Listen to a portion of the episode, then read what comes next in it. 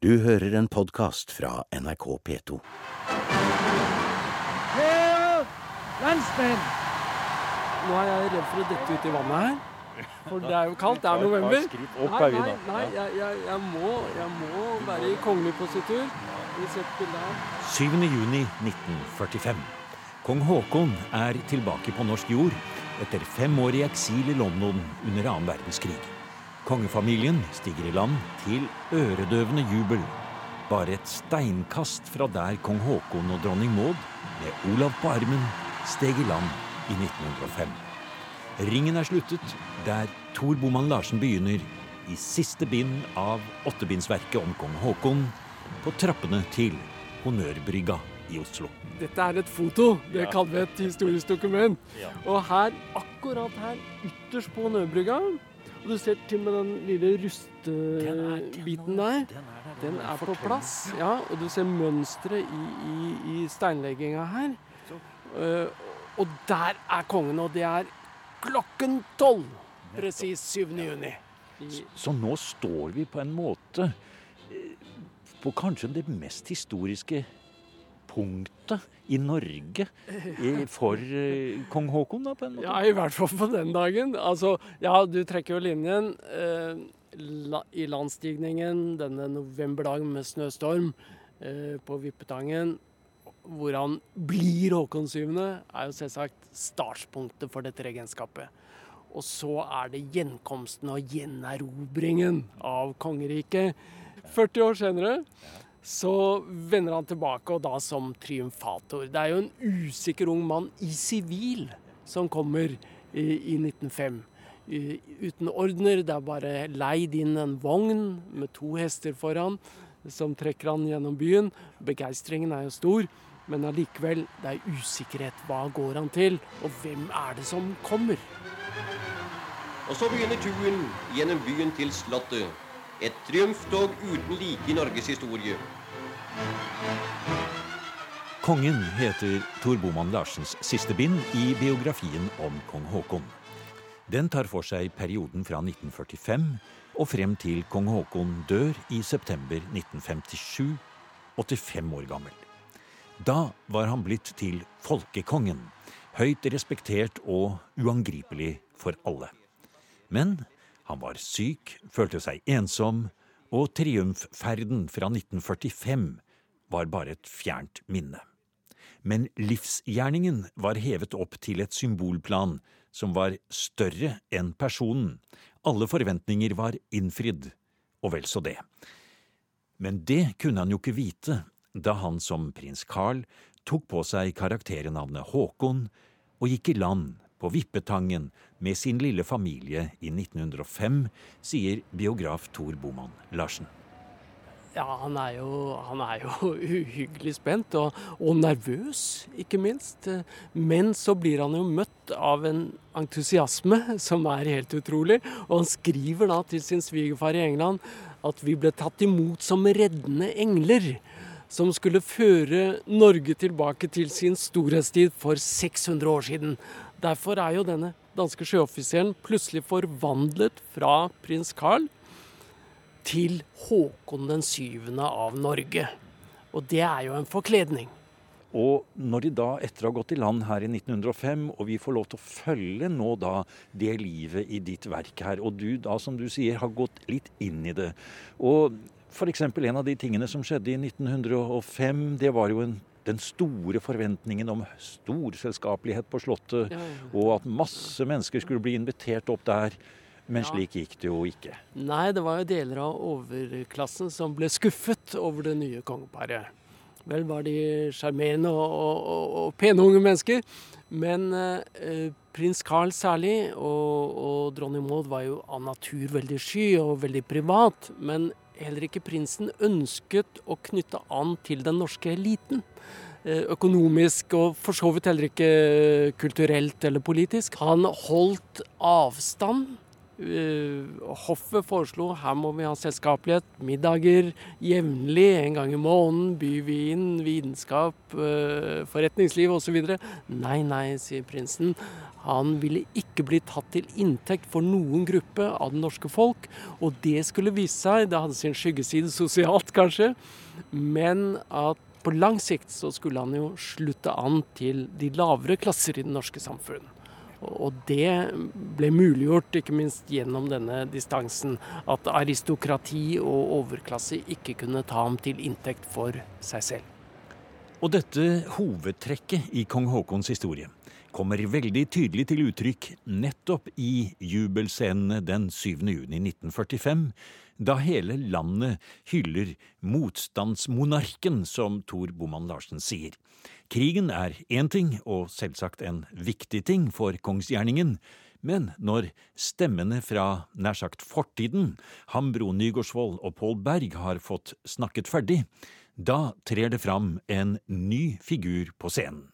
Han er, i likhet med kongen, høy og tynn og representerer framtiden i den norske sosialdemokratiske staten. For øyeblikket er han ordfører for Arbeiderpartiet i Oslo, og nå går han sammen med kong Haakon i folkehavet opp mot trappene på rådhuset.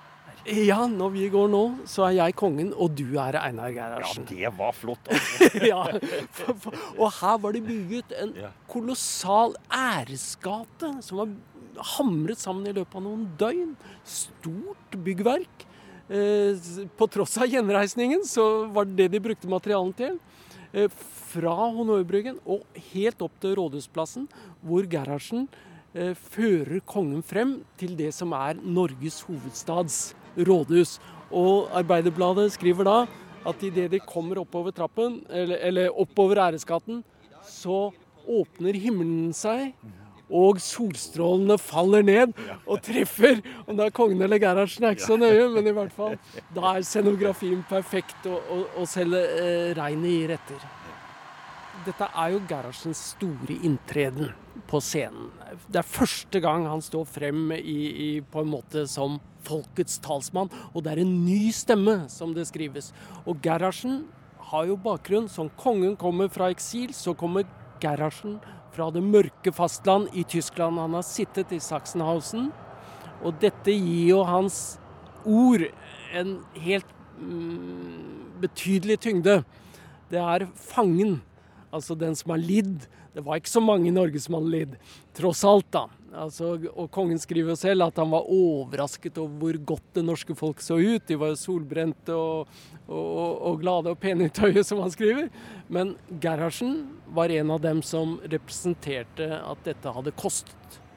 Og i boken 'Kongen', som er avslutningen på den store biografien over kong Haakon og dronning Maud, og hvor skrivearbeidet har strukket seg over 20 år, forteller Tor Boman Larsen om hvordan kongen i den første tiden etter hjemkomsten var opptatt av at landssvikoppgjøret skulle være uangripelig, og at dødsdommer og fengselsstraffer skulle gjennomføres til punkt og prikke. Samtidig som vi får høre om hvordan kongen helt personlig snakker med flere av dem som skrev under på kravet om abdikasjon. Da viser han forståelse for dem som var hjemme under krigen, og strekker ut en hånd. Vi går forbi den flotte Nils Aas-statuen på 7. juni-plassen ved Victoria terrasse. På vei til dronning Sonjas kunststall i Parkveien. Men vi stopper opp litt og ser på skikkelsen i bronse som lener seg mot vinden. Og det er et nydelig monument. Og, vi ser, og det er en av de ytterst få vellykkede kongeskulpturer. Det er, det er ikke noe enkel sjanger å, å, lage et kongemonument, men Nils Aas klarte. Og han har jo Dette er jo kongen egentlig fra skal vi si, Nybergsund eller Molde. I, eh, Riktignok i frakk. Mhm. Ja, den har han jo faktisk i Nybergsund på, på bildene. Molde står han jo i ridebuksene. Mhm. Men Nybergsund, ja. Hvor han har sin ilddåp og blir bombet av tyske fly. Men så står han med generalsluen, den gode gamle, trykket til hjertet. Og, og, det, og det Nils Aas har fått til da, er jo å forene det dypt menneskelige med da den kongelige positur i generalsuniform. Uh, og det er noe av kjernen også i monarkiet på sitt ypperste. da. At det forener stat og menneske. Eh, og det lyktes jo gjennom historiske begivenheter å føre eh, kong Haakon inn i, i den eh, monarkiets kjerne. Du har satt opp noen årstall, Tor, i sagaen om Håkon den syvende, som er helt sentrale. Og de fleste vil vel da komme på både 1905 og 1940. Men det er et årstall midt mellom der som etter din mening som biograf er kanskje det aller viktigste årstallet, og det er 1928. Ja, det, det, det stemmer, fordi eh, det er først Gerhardsen faktisk som trekker frem disse tre årstallene. Han gjør det allerede i 45 i en tale til kongen. Og han dveler jo også ved 28. Og det spesielle ved det tallet er at det, i 1940 og også i 1905 så handler jo kongen eh, ut ifra historiske begivenheter. Han handler litt på refleks, kan du si. Særlig i 1940. Eh, og, det, og det er veldig viktige begivenheter. Men i 28, hvor han utnevner den første Arbeiderpartiregjering, så er det en veldig villet handling som kong Haakon Han har lett etter muligheten til å få gjøre det. Og han, og han sier i svartalen til Gerhardsen jeg var så lykkelig over å få den muligheten. Og den, det er hans personlige bidrag til Norges historie og du kan si til Norges samling på tvers av klassegrensene. Hvor han trekker arbeiderklassen og dens revolusjonære ledelse inn i den norske konstitusjonen. Og, eh, og det er jo dette uttrykket, Tor. Nå er det mye bråk her, for vi går langs den gamle Drammensveien her. Og vi er, går langs Slottsparken. Vi skal runde hjørnet der oppe og gå inn i kunstdalen og snakke videre. Men før vi kommer så langt, jeg nevnte dette med kommunistene. Ja. Fordi det var en dame som var hyppig gjest på Slottet, og som var et slags lyttepost for kong Haakon inn i kommunistenes måte å tenke på. Ja, eh, du tenker på Kirsten Hansten, Ja. som ble den første statsråd. Eh, kvinnelig statsråd i Norge, og som representerte da kommunistene. Nå må vi si at allerede i 28 så var jo Arbeiderpartiet kommunistisk. Eh, så sånn sett så går det en linje helt derfra. Men dette fra 28 gjentar seg i 1945, hvor kommunister henvender seg til kongen for å få en plass i statsstyret. Og kongen peker da altså på kommunistene når regjeringen skal dannes. Og Kirsten Hansten får da den ene av de to kommunistiske eh, plassene i statsråd.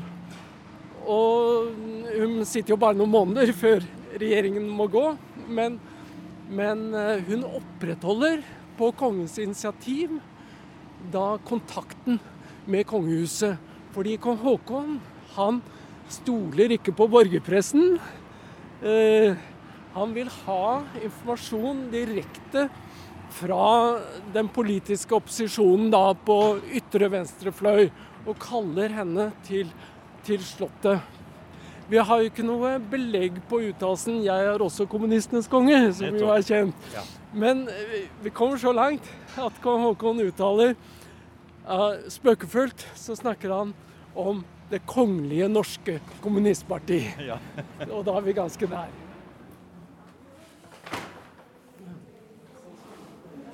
Ja, her har vi kommet oss inn nå, i varmen. I, fra novemberkulda ut i hovedstaden. Vi har kommet oss inn i dronning Sonjas kunstdal, som det nå heter. Men når du begynte, Tor, å skrive på ditt eh, biografiske verk, da så det ikke så fint og strøkent ut her som det er nå. Nei, dette enorme lokalet var jo da et lager. Her sto det masse biler, møbler, kasse på kasser. Det var etasjer eh, bygget oppover her. Eh, og, og, jeg satt for min del i, i sidefløyen her på et bitte lite kontor. Og, og, til det så fikk vi jo papirene direkte ut av lageret. Så, så, her på Slottet har det skjedd veldig mye i opprydding og systematisering og, og, utstillinger også, som vi ser nå. Ja, for ditt eh, arbeid med hele dette store kildematerialet, de har jo gått parallelt nærmest med at de kongelige samlinger har blitt bygd opp slik som det nå fremstår? Ja, eh, det begynte helt samtidig at det store registreringsarbeidet ble satt i gang eh, av kunstgjenstander, eh, hele den samlingen. Og noen år senere begynte man da også å bygge opp Det kongelige privatarkiv, altså en papirsamling. Det skjedde en to-tre år senere. I dag er jo dette et profesjonelt eh, slottsarkiv også. Drømmen om Norge heter utstillingen som står høsten 2019 og den forteller med Slottets originalkilder i alt fra dagbøker og kvitteringer til fotografier, malerier og mange gjenstander om kongefamiliens første år i Norge. Og plutselig kan det dukke opp noe helt nytt, sier kunsthistoriker og omvisningsleder ved Det kongelige norske hoff, Nina Høie. Vi har pop-opp-utstilling i utstillingen. Ja, så morsomt. Fordi, bare ja. si to, to ord Fordi eh, ja vi, Kongeparet inviterer jo nå til afternoon tea for eldre ildsjeler. Med utgangspunkt i dronning Maud sine britiske eh, aner. Fordi hun hadde jo med seg afternoon tea til Slottet. Og dette afternoon tea-arrangementet det oss i år på dronning Mauds fødselsdag, 26.11. I år så ville hun bli fylt 150 år. Og i den forbindelse så har vi også her i utstillingen en liten eh, midlertidig utstilling av et tebord med servise fra England og alt som skal til for at eh, denne britiske afternoon tea-tradisjonen skal kunne levendegjøres. Og vi skal, ha, vi skal ha et publikumsarrangement her. Vi gjør veldig mange ting rundt akkurat dette i år. Så hyggelig. Fortell litt om selve kunststallen, som det jo nå kalles, som vi står i her nå. Fordi vi ser jo, her står jo de, de tomme hestebåsene står bortover der nå. Dvs. Si, de er ikke tomme, for det er utstillinger inni dem.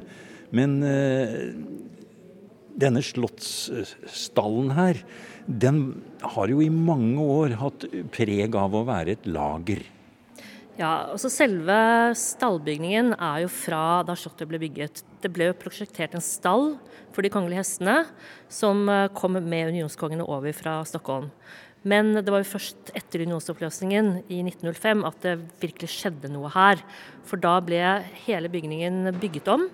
Eh, den fikk eh, større, større areal. For dronning Maud var jo en veldig hesteinteressert dronning. Og nå står vi her i Midtsdalen, som i dag er dronning Sonja kunsthall, hvor det er vekslende utstillinger. Og her ser vi altså infrastruktur fra den ombyggingen som var ferdig i 1911. Her har vi uh, utstillinger med gjenstander fra de kongelige samlinger. Vi har uh, invitert inn uh, samtidskunstnere. Forrige utstilling var en utstilling med samisk samtidskunst. Og her vil, vi også ha flere nye utstillinger i året som kommer. Vi kan se også på, Der har du kalenderen. Nettopp. Der har vi 1905-dramaet, ja.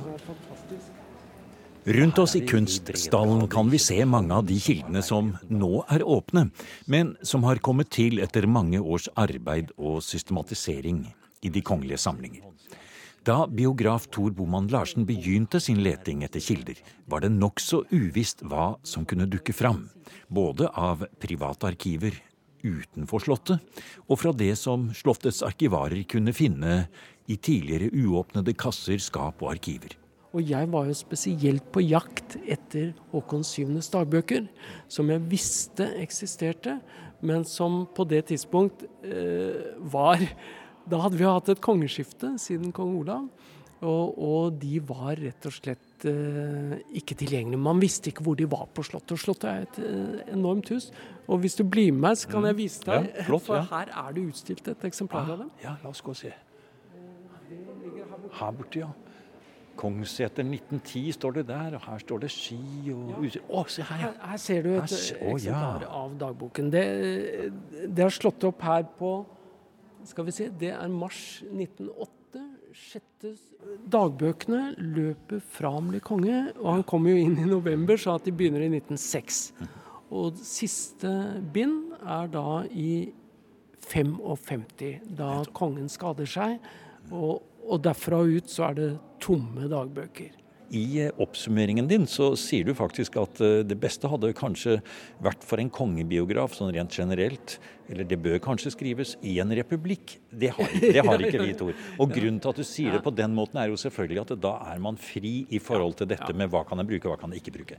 Her har du vært nødt til å forholde deg til en et kildesituasjon som du da for så vidt sier du har hatt stor frihet til. Ja, jeg har faktisk hatt uh, absolutt frihet, og det er et unntak innenfor de regjerende kongehus, hvor man styrer kildene veldig bevisst. Dvs. Si, først og fremst ved at de åpnes veldig sent. Som i Danmark og Sverige f.eks., så er man eh, ikke kommet opp i tid på den måten som vi har. Eh, slik at mine bøker har gått i trykken uautorisert i forhold til kongehuset. Og det er jo unikt i en monarkisk sammenheng, selv om det er rimelig i, når det gjelder politiske biografier og, og slike ting. Og For meg har det vært en forutsetning for å lage et så stort verk. Hvis det skulle vært skrevet med påholden penn, så ville jo verdien vært forringet. Og når det gjelder kildene, så forteller du også i bind åtte at uh, kong Haakon helt på slutten da han hadde blitt syk og var i en rekonvalesens, så begynte også han å brenne ting. Ja, eh, kong Haakon brant mye, han faktisk, lenge før det. Eh, og da var det særlig kabinettsekretæren som fikk, fikk det oppdraget. Eh, men jeg tror han ganske fortløpende f.eks. For brant private korrespondanser. Og det interessante med det er hva er privat i en konges liv? For det griper jo i hverandre. F.eks. når han korresponderer med andre konger i Europa. Så vi fant jo I Moskva lå alle brevene fra kong Haakon til tsar Nikolai. I Oslo lå det bare ett brev fra tsaren til kongen. De andre var antagelig destruert av kongen selv underveis. I del to av denne reportasjen om biograf Tor Boman Larsens siste bind i biografien om kong Haakon og dronning Maud, skal vi komme tilbake til hva som skjedde, og hvem som var til stede da kongen skled på baderomsgulvet og brakk lårhalsen. Og der dukker det bl.a. opp en person som også var sentral i Tor Boman Larsens biografi over Roald Amundsen. Og i del to skal vi også spørre om hvorfor kong Haakon aldri lærte seg norsk, og få høre om at dronning Elisabeths sønn Charles i virkeligheten er oppkalt etter kong Haakons egentlige og private navn gjennom hele livet, nemlig Carl, eller som han het i England, prins Charles of Denmark. Men vi avslutter denne første del av programmet med å gå helt til slutten av kong Haakons tid som monark. Da satt han i rullestol og følte seg alene. Så sier du et sted at det er kilder som tyder på at ikke det var det aller beste forhold mellom kronprins og konge på denne tiden. Ja, det er, det er kongens lege som faktisk sier det. Og det kan være mange grunner til. Kongen blir nok ganske vanskelig disse siste par årene når han ligger der og Eller sitter der, da, for han kommer jo aldri på bena. Han sliter jo med dette å komme tilbake igjen.